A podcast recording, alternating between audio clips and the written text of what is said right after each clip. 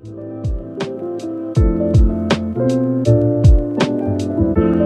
everyone, selamat datang di episode 7 dari Percakapan Podcast Al Listener. Season kali ini ada aku Dila dan juga Devinia. Hari ini kita mau ngobrol ame apa nih, Dev? Jadi Kak Dila, hari ini kita berdua dan tentunya sama narasumber kita nanti, kita bakalan ngobrolin tentang legalist skill in work field. Sebagaimana kita tahu nih, ALS itu kan punya empat pilar. Ada internationally minded, socially responsible, academically committed, dan yang terakhir nih ada skill. Nah, yang bakalan jadi pembahasan kita hari ini, si legal skill ini. Legal skill ini kan membahas tentang kecakapan hukum gitu ya. Aku tuh penasaran, kecakapan hukum seperti apa sih yang dibutuhkan dalam dunia kerja gitu? Maklum, udah semester tua. Wah, menarik banget ya topik kali ini. Oh iya, nggak lengkap kalau misalnya cuma kita berdua nih yang bakal ngobrol rame di sini. Nah, di season podcast kali ini, kira-kira siapa sih Dev pembicara yang bakal kita ngajak ngobrol bareng dan menjawab perasaan kita berdua ini? Nah, seseorang yang akan menjawab pertanyaan dan keresahan kita kali ini adalah salah satu alumni Alsa LC UNER yang udah menjalani kehidupan kerja. Mungkin langsung kita aja langsung mungkin langsung aja kita sapa ya. Halo Kak Maria. Halo Kak Maria. Hai, hai. Nah, kali aja nih teman-teman yang lagi dengerin masih belum kenal sama kakak kita satu ini. Mungkin Kak Maria bisa langsung perkenalan diri secara singkat. Silahkan Kak Maria. Hai, saya Maria, saya lengkapnya Maria Sagrado, saya angkatan masuk tahun 1995 eh, Fakultas Hukum Universitas eh, Erlangga. Lalu tahun 2000 saya lulus dari kampus. Saya bekerja di Jakarta ya. Nama kantor hukum yang tepat saya bekerja dari tahun 2000 sampai dengan hari ini jadi kebayang ya udah berapa tahun tuh. Itu adalah Makarim dan Taira S. Uh, Makarim dan Taira S adalah salah satu law firm terbesar dengan jumlah lawyer sebanyak 60 60 lawyer ya dari uh, berbagai bidang. Jadi kami ada corporate commercial, ada banking finance, ada juga uh, litigasi and dispute settlement. Jadi uh, jadi saya sudah bekerja cukup lama. Posisi saya sekarang adalah partner yang dengan kekhususan di bidang uh, banking and finance dan juga saya uh, sekarang banyak berkecimpung di bidang fintech ya. Mungkin itu kurang lebih uh, tentang saya. Makasih. Oke, okay. nah teman-teman udah pada kenal kan ya sama, sama Kak Maria. Jadi gimana nih Kak kabarnya sekarang? Baik, sangat baik, apalagi habis liburan ya, jadi fresh. Okay. jadi uh, jadi sudah siap nih untuk bertempur kembali setelah satu minggu break. Wah mantap banget. Alhamdulillah ini Kak Maria, semoga dalam keadaan sehat selalu ya Kak, di mana pun Kak Maria berada. Supaya selalu bisa sharing bareng kita kayak sekarang ini nih Dev. Oke, okay, jadi sesuai dengan pembahasan session kita kali ini akan membahas legally skilled in work field. Kalau dari kamu sendiri nih Dev, tahu nggak sih legally skilled itu apa? Hmm, legally skilled ini kan salah satu pilar ALSA ya. Kalau aku sendiri sih memaknai legally skilled itu seberapa cakap sih kemampuan hukumku dan bagaimana pengaplikasian ilmu-ilmu yang udah aku dapat selama kuliah ini di masyarakat nanti. Terus ya, aku mikirnya tuh legally skilled ini sangat berkaitan dengan socially responsible, di mana kita kan akan terjun ke masyarakat. Dan aku maunya ilmu yang aku dapat selama kuliah ini bisa berguna banget buat masyarakat nantinya. Kayak gitu Kak Dila. Kalau Kak Dila sendiri gimana memaknainya? Wah, setuju banget sama kamu, Dev. Kalau dari aku sendiri nih ya, aku sendiri memaknai legal skill itu kita sebagai calon juris profesional harus memiliki kemampuan hukum yang baik.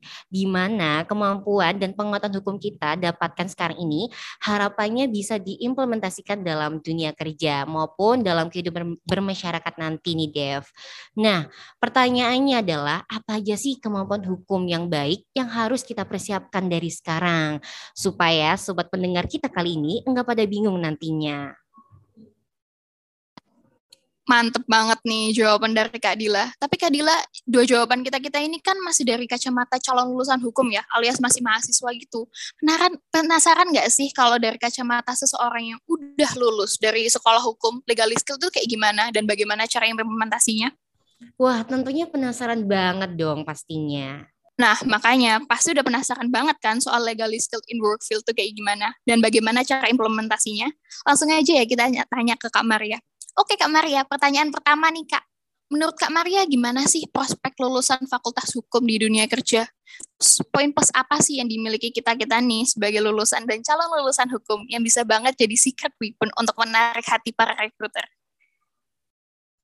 Wah, kalau hukum itu nggak ada matinya, jadi di mana-mana sangat dibutuhkan ya.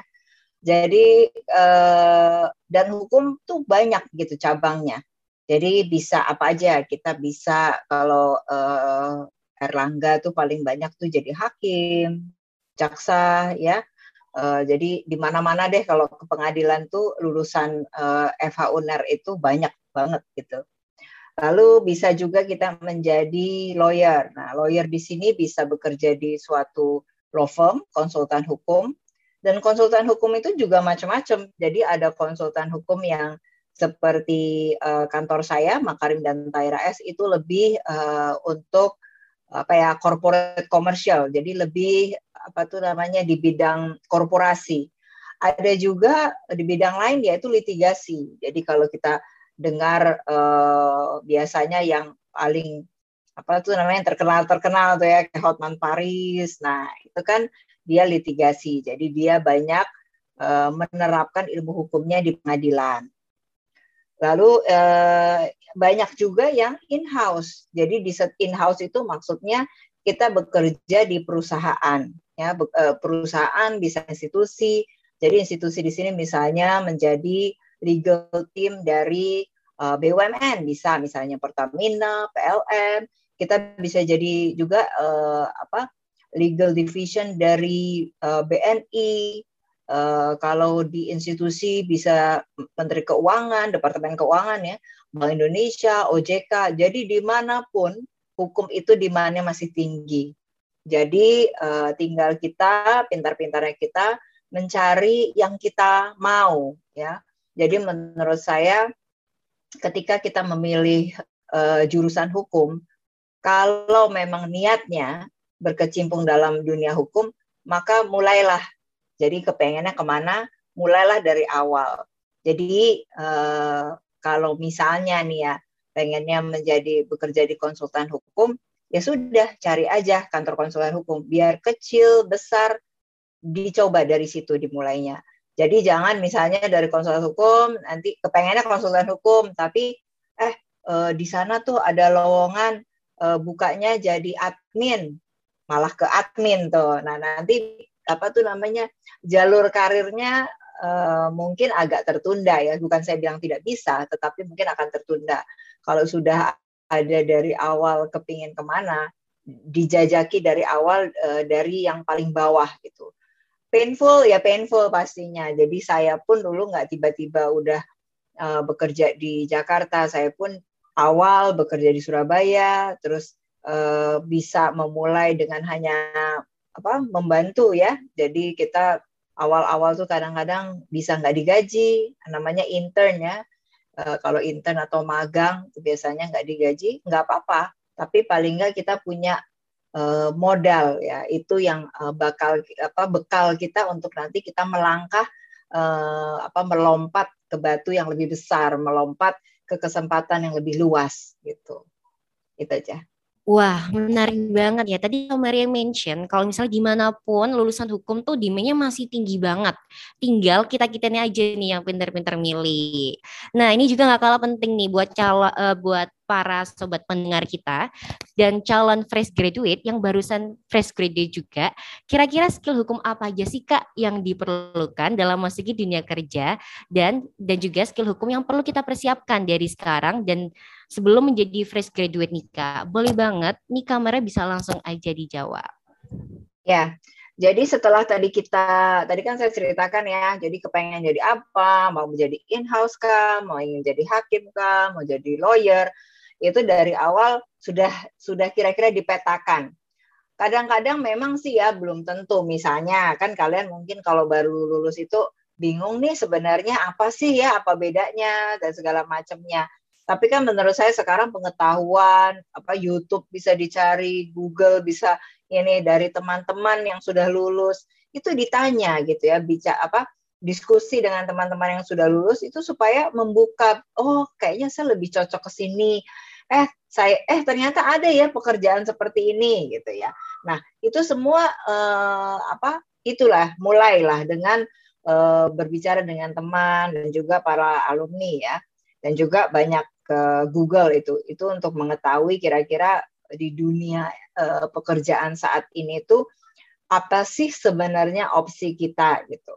Nah, kalau saya misalnya, kalau dulu kan saya memang dari awal saya bilang, aduh saya kayaknya uh, kurang cocok nih ya, mungkin karena saya merasa uh, saya bukan fighter ya, jadi saya uh, uh, saya kurang pas kalau saya ke pengadilan. Jadi saya bilang ya udah, saya uh, lebih memilih untuk bekerja di uh, konsultan hukum corporate.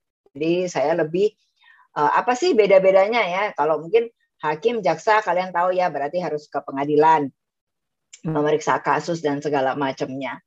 Kalau konsultan hukum uh, yang uh, korporasi itu sebenarnya kami lebih banyak menerima pertanyaan. Jadi misalnya investor nih uh, dari perusahaan asing, misalnya dari Amerika mau invest di Indonesia mau mendirikan pabrik uh, baja misalnya. Bagaimana caranya? Nah, itu kita yang memberikan uh, advis hukum kepada mereka. Oh, begini loh caranya. Oke. Okay apakah hanya sekedar itu? Enggak sekedar itu, luas sekali. Hukum ini sangat-sangat luas. Kalau kita pelajari di kampus, itu adalah basic. Jadi misalnya apa? Undang-undang uh, penanaman modal, undang-undang pasar modal, undang-undang uh, apa namanya perseroan terbatas, itu semua basic. Tapi sebenarnya perintilannya itu banyak. Perintilannya apa? Misalnya, oke okay, kalau saya mau uh, apa ada klien ingin menjual pestisida di Indonesia. Nah, coba itu kan di kampus dulu kita nggak diajarin ya.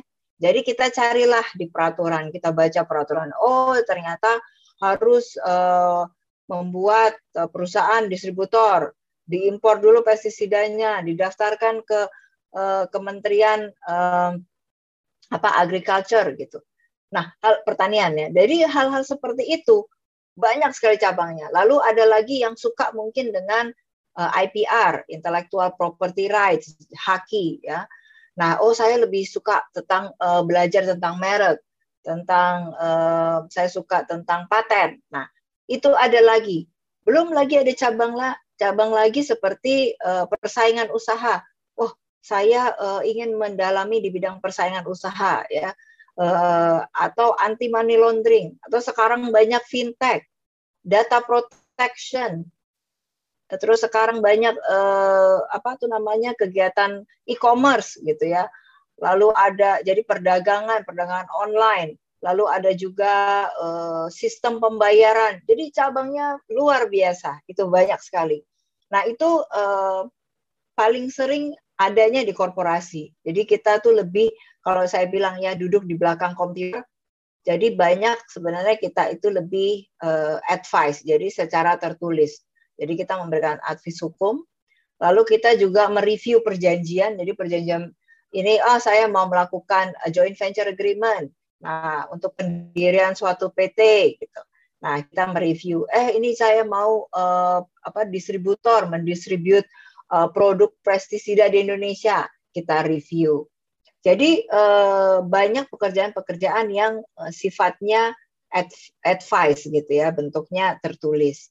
Sedangkan kalau kita di uh, litigasi tentu kita ke pengadilan. Ya, kita ke pengadilan, lalu kita banyak beracara. Jadi kita membuat uh, mempelajari kasus, membuat gugatan, lalu uh, melakukan apa men, apa tuh namanya hadir di uh, persidangan gitu ya, membantu klien kalau misalnya dia misalnya ini ditangkap polisi misalnya uh, ditangkap polisi kita membantu uh, apa untuk komunikasi dan segala macamnya. Lalu ada juga yang in-house. In-house ngapain aja gitu. Kalau in-house itu lebih banyak ya sudah dia duduk di situ sebenarnya mirip dengan konsultan hukum di korporasi ya. Nah, itu cuman bedanya kliennya dia adalah si perusahaan itu sendiri. Jadi apa? Misalnya, oh, oke okay, perusahaan ini ingin uh, menjual produknya ke mana gitu. Jadi dia lebih kecil uh, segmennya, tapi jenis pekerjaannya sama. Misalnya saya mau invest ini, saya mau melakukan apalagi misalnya dia di apa in-house di perusahaan terbuka. Oke, okay, perusahaan terbuka ingin melakukan right issue, ingin uh, mengeluarkan uh, obligasi gitu. Nah, itu hal-hal yang uh, sifatnya juga sama. Jadi uh, hampir sama dengan uh, apa konsultan hukum, cuman dia sifatnya lebih untuk ke perusahaan. Dan perusahaan ini jangan dikira oh lebih gampang, enggak juga complicated juga kalau terutama untuk perusahaan-perusahaan yang grup besar. Ya, jadi kalau grup besar itu sudah eh, kegiatan usahanya berbagai macam. Jadi kita juga harus mampu untuk memahami setiap eh, kegiatan usaha itu. Lalu bagaimana untuk di lembaga-lembaga ya? Misalnya kita bisa juga di in-house Menteri Keuangan, in-house eh, Bank Indonesia, OJK, itu sama. Jadi juga uh, apa tuh namanya skopnya juga cukup luas. Nah, tapi uh, apa tuh namanya uh, punya bidang-bidangnya itu. Jadi itulah kita bisa kalau mau awal sih uh, bisa bisa ya untuk ikut-ikut magang supaya kalian tuh kira-kira tahu apa uh, apa tuh namanya minat ya minat terus juga banyaknya variasi hukum. Nah, itu tuh kita peroleh dari magang. Nah, kira-kira apa yang uh, modal untuk awal? Modal awal adalah kalau saya bilang pengetahuan. Ya pasti lah ya, ilmu basic yang kita peroleh dari kampus, misalnya tadi gitu ya. Sudah sebelum kita itu uh, mengincar ya, misalnya ngincar, oh saya mau kerja di konsultan hukum nih, misalnya Makarim dan Taira S. Oke, dia ter, uh, Makarim ini ke apa jagonya di bidang apa. Nah, Google ya, lakukan Google pencarian. Oke, okay, tentang Makarim apa apa tuh namanya uh, spesifikasi bidang-bidangnya apa. Nah, terus kalau oke okay, saya kepengen di corporate. Oke, okay, kalian harus paling nggak punya dasar apa? Bacalah undang-undang perseroan terbatas, undang-undang penanaman modal, peraturan PKPM, eh, positif list. Nah, itu basic yang harus uh, paling enggak kita pahami ya. Kadang-kadang mungkin membaca peraturan agak capek ya. Paling enggak tapi kan sekarang udah banyak YouTube, udah banyak eh, tulisan-tulisan orang, itu bisa dipakai sebagai dasar. Walaupun nanti uh, itu dasar boleh, tapi tetap ya kita sebagai orang hukum peraturan harus dibaca. Jadi uh, untuk pengetahuan awal bisa baca-baca dari hal-hal apa artikel dan segala macam tapi tetap uh, nanti undang-undangnya juga harus dibaca. Dan eh, skill-skill lain adalah misalnya itu tadi kayak misalnya kita tahu kita minatnya di litigasi maka kita nantinya harus mengembangkan skill kita negosi sebagai negotiator gitu ya. Jadi uh, bagaimana belajar untuk uh, apa bernegosiasi. Negosiasi itu adalah suatu seni ya jadi harus juga dipelajari tapi tentunya setiap orang itu mempunyai karakter berbeda-beda. Jadi uh, mereka akan mempunyai kelebihan dan kekurangannya tentunya. Makanya harus belajar uh, seni bernegosiasi. Lalu skill lain misalnya um, kita bekerja di perusahaan yang internasional misalnya ya. Uh, ini adalah perusahaan investasi dari Amerika ya. Mau nggak mau kita harus punya apa skill apa? Skill bahasa ya kita belajarlah berbahasa Inggris gitu. Jadi kalau zaman sekarang kan gampang ya kalau menurut saya anak-anak zaman sekarang dengerin YouTube setiap hari kalian akan bisa berbahasa Inggris itu. Paling nggak di telinga tuh familiar gitu ya. Jadi dari uh, mendengar lama-lama berbicara nah itu uh, sesuatu yang menurut saya juga termasuk uh, dasarnya Baik Kak, kalau misalnya bisa aku simpulin nih dari pemaparannya Kak Maria tadi, skill yang harus dimiliki itu dari awal kita udah harus metain. Kita tuh maunya apa, mau terjun di mana. Mungkin bisa didiskusiin sama teman-teman alumni yang udah lulus. Terus lebih mengenal dirinya sendiri, cocoknya terjun ke mana gitu ya Kak. Kalau seorang fighter nih bisa nih terjun ke pengadilan. Kalau tertarik untuk mendalami persaingan usaha, langsung aja dalamin persaingan usaha gitu. Kalau misalnya money laundering, langsung aja dalamin money laundering. Berarti Kak kalau baru lulus dan merasa kehilangan arah itu masih bisa dimaklumin ya? Atau kayak gimana menurut Kak Maria?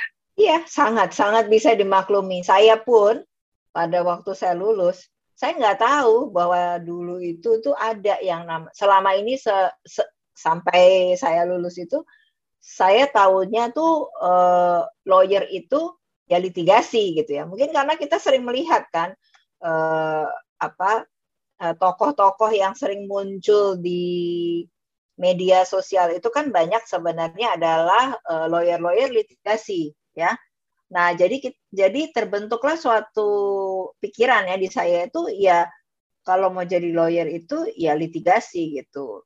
Jadi saya nggak tahu bahwa ternyata ada ada kegiatan apa tuh namanya ada pekerjaan yang seperti konsultan hukum itu yang sifatnya di belakang apa tuh namanya layar ya di belakang komputer kerja kerjanya bikin advice mulu ya. Apakah boring ya? Mungkin kesannya kan enak mbak ke apa tuh namanya kalau ke pengadilan ya ketemu orang terus kayaknya kayak di film-film gitu ya. Sayangnya nggak seperti di film-film sih kadang ada kalau di film-film tuh agak drama ya agak drama. Tapi uh, apa prosedurnya ada. Tapi yang paling menurut saya ya saya tuh memang dari SMA uh, eh, kepingin menjadi konsultan hukum. Itu karena apa masalah di dunia ini nggak selesai-selesai ya. Jadi itu banyak banget dan uh, menurut saya tuh uh, challenge-nya nggak nggak apa ya nggak ada akhirnya. Jadi kalau untuk hukum ini kita tuh kan mencari solusi dari masalah. Bukan saja kita mengantisipasi masalah, tapi kita juga membereskan masalah kadang-kadang itu. Jadi kita mereview perjanjian itu kan supaya kita mengantisipasi, oh kalau nanti terjadi dispute, terjadi apa tuh namanya salah paham atau terjadi uh, ketidakcocokan, maka bagaimana gitu. Tapi ada juga yang sudah berantem, oke okay, berantem gitu ya, ketidakcocokan terjadi, kita harus mencari solusi. Jadi uh, banyak gitu. Ada juga yang uh, begini, kita bukan menghindari hukum ya, tapi mencari solusi itu begini, misalnya eh saya mau melakukan kegiatan usaha eh, misalnya apa ya saya contohkan eh, perdagangan misalnya ya perdagangan. Eh, saya mau jualan eh, saya mau buka toko seperti eh, Lazada misalnya ya atau Tokopedia. Nah gimana sih caranya hal-hal seperti itu kan sebenarnya kita juga nggak tahu. Tapi apa yang bisa kita lakukan ya kita akhirnya cari tahu, kita baca peraturannya. Oh ternyata uh, kegiatan usaha ini masuk ke KBLI 63122 nih. Apa aja yang bisa dilakukan? Oke, kalau sudah begini, lalu berapa modalnya? Oh, modalnya minimum kalau asing harus minimum uh, di atas 10 miliar. Oke. Nah, Lalu uh, pemegang saham harus berapa? Harus dua. Boleh asing semua apa enggak? Kita lihat ke positif list. Lalu, ah ternyata boleh. Oke, bisa lagi. Jadi uh, nggak sesimpel itu gitu. Jadi uh, walaupun ada ya kegiatan-kegiatan apalagi zaman sekarang dengan fintech itu adalah inovasi semakin cepat, uh, bentuk uh, bisnis skema semakin inovatif ya, semakin macam-macam. Nah, kita yang semakin berlari harus mengejar. Oke, hukumnya itu kadang-kadang peraturan nggak ada. Nah, kita yang harus uh, dalam tanda kutip menciptakan jalan keluar untuk uh, masalah-masalah yang tidak ada hukumnya gitu. Undang-undangnya, peraturannya belum ada. Nah, jadi uh, challenge-nya nggak pernah berhenti gitu. Nah, jadi dulu awal pas waktu tahun 2000 itu saya nggak tahu gitu, eh kok ada ya ternyata pekerjaan seperti itu. Nah itu tadi ya memang apakah saya yang kurang gaul ya, tapi kalau sekarang harusnya ya informasi lebih banyak di mana-mana, teman kalian di mana-mana, fakultas hukum alumni juga di mana-mana. Seharusnya kalian sudah punya jalannya. Tinggal sekarang kalian mau nggak untuk berusaha. Itu sih kalau saya bilang ya. Uh, yang penting kita kalau uh, lulusan hukum ini masih bingung-bingung ya wajar gitu. Makanya saya bilang coba aja magang di mana-mana uh, apa. Memang sih biasanya nggak dibayar, but it's okay gitu untuk kita bisa uh, tahu gitu apa sih ke apa tuh namanya masing-masing dari opportunity yang ada. Satu lagi hukum itu uh, selain in house ya uh, bisa juga dia di uh, HR ya HRD itu itu juga banyak. Jadi yang penting tuh hukum opportunity-nya di mana-mana deh gitu. Bisa kok ke mana-mana. Asal itu kalian harus punya kemampuan yang uh, kemauan, nah, kemauan yang kuat dan juga uh, kemampuan. Nah, kemampuan itu yang harus diasah gitu ya. Berarti Kak, kalau misalnya bisa aku simpulin, kemauan dan kemampuan yang kuat harus dimiliki sama para lulusan dan calon lulusan ini. Berarti dari iya. sini, um, peran dari kakak-kakak alumni LCL Sinar bisa bantu menerangkan dan mencerahkan teman-teman yang baru lulus gitu ya Kak? Yap. Tapi Kak, yep. um, kalau misalnya aku boleh tanya nih, uh, bagaimana sih Kak Maria memaknai legally skilled itu sendiri? Uh, kalau legal skill itu tentunya seiring dengan uh, waktu ya, nanti akan uh, kalau saya selalu bilang tuh level ya, cabe-cabeannya itu uh, tambah naik tuh cabe satu, cabe dua, cabe tiga. Jadi uh, memang begitu, itu proses belajar. Tapi yang penting sebagai awal kita itu apa sih ke, uh, dengan kemauan yang keras tadi dan juga carilah ya uh, kesempatan ya. Kalau ada misalnya juga oh nggak dibayar nih uh, cuman bantu-bantu aja. Ayo kita bantu-bantu aja gitu. Karena apa? Dari bantu-bantu itu aja itu ada suatu dasar. Biasanya nanti kita kalau uh, apa tuh namanya apa memasukkan aplikasi ya memasukkan CV dan segala macam tuh orang akan lebih melihat eh punya pengalaman magang nih gitu. Itu tuh nilai plus yang sangat-sangat uh, diperhatikan orang.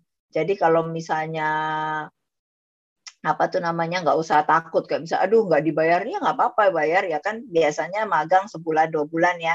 Nah gitu kita kita coba aja gitu.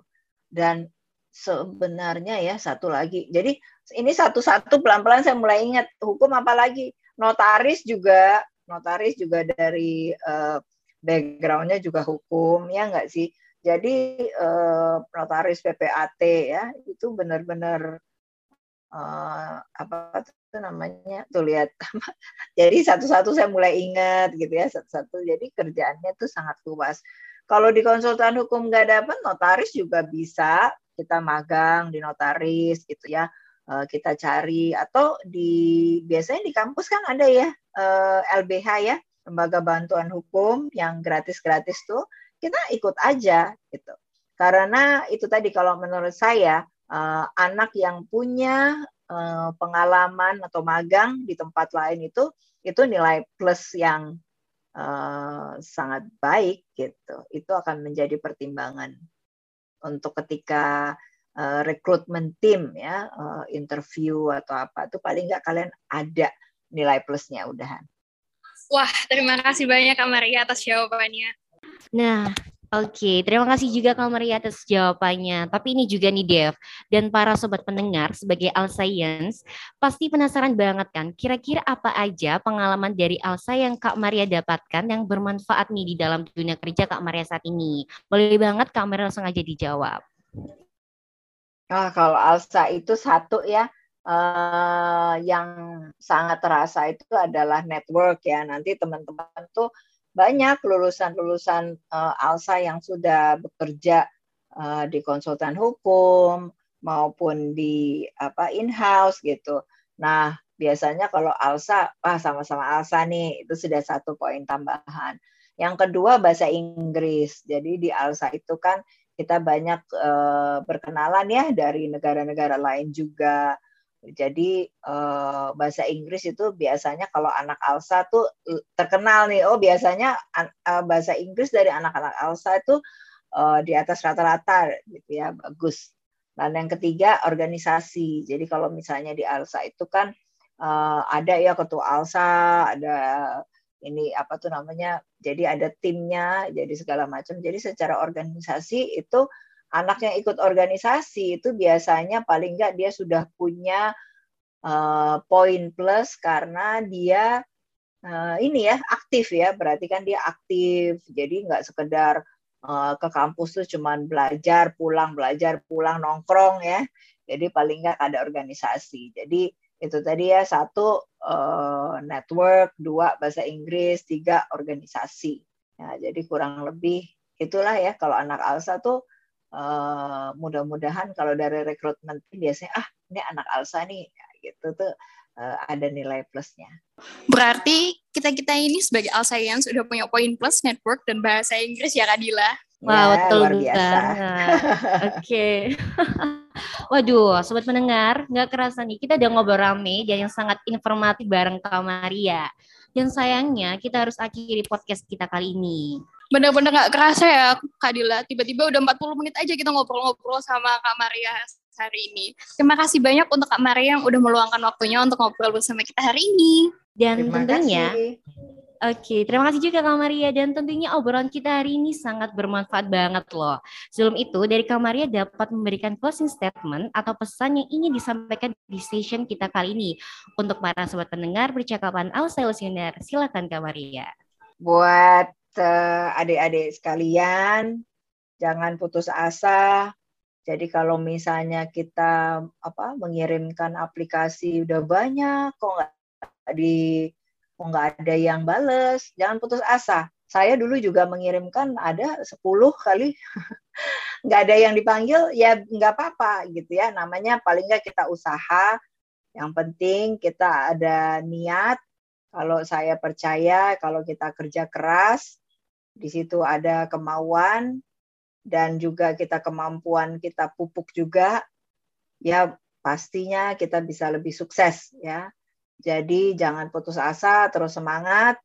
Lalu juga dari awal kalau misalnya kalian sudah punya cita-cita dilakukan dan kalau bisa dipuk memang dari awal. Jadi sudah di set dari awal, oke okay, saya kepengen jadi apa, dimulailah dengan eh, hal-hal uh, yang kecil ya. Jadi memang sudah dibikin uh, kalian mempersiapkan jalur kalian sampai nanti uh, tercapai cita-citanya.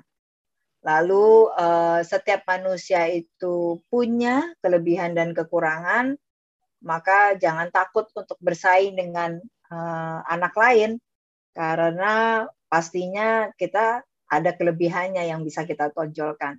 Kalau kita tahu kelebihan kita, itu yang kita harus tonjolkan, itu yang kita harus manfaatkan. Terima kasih. Oke Kak Maria, terima kasih buat closing statementnya. Untuk para pendengar jangan lupa nih, untuk tidak berputus asa. Bener banget gak Kak Dila? Waduh, bener banget. Dan tetap semangat selalu nih, Dev. Oh iya, jangan lupa ya untuk follow percakapan podcast Alsa Elsi Uner karena kita bakalan menghadirkan percakapan yang menarik lainnya. Cukup sekian, aku Devinia dan Aku Dila, pamit undur diri dan sampai jumpa di percakapan podcast Alsa Elsi Uner selanjutnya. Thank you. Thank you.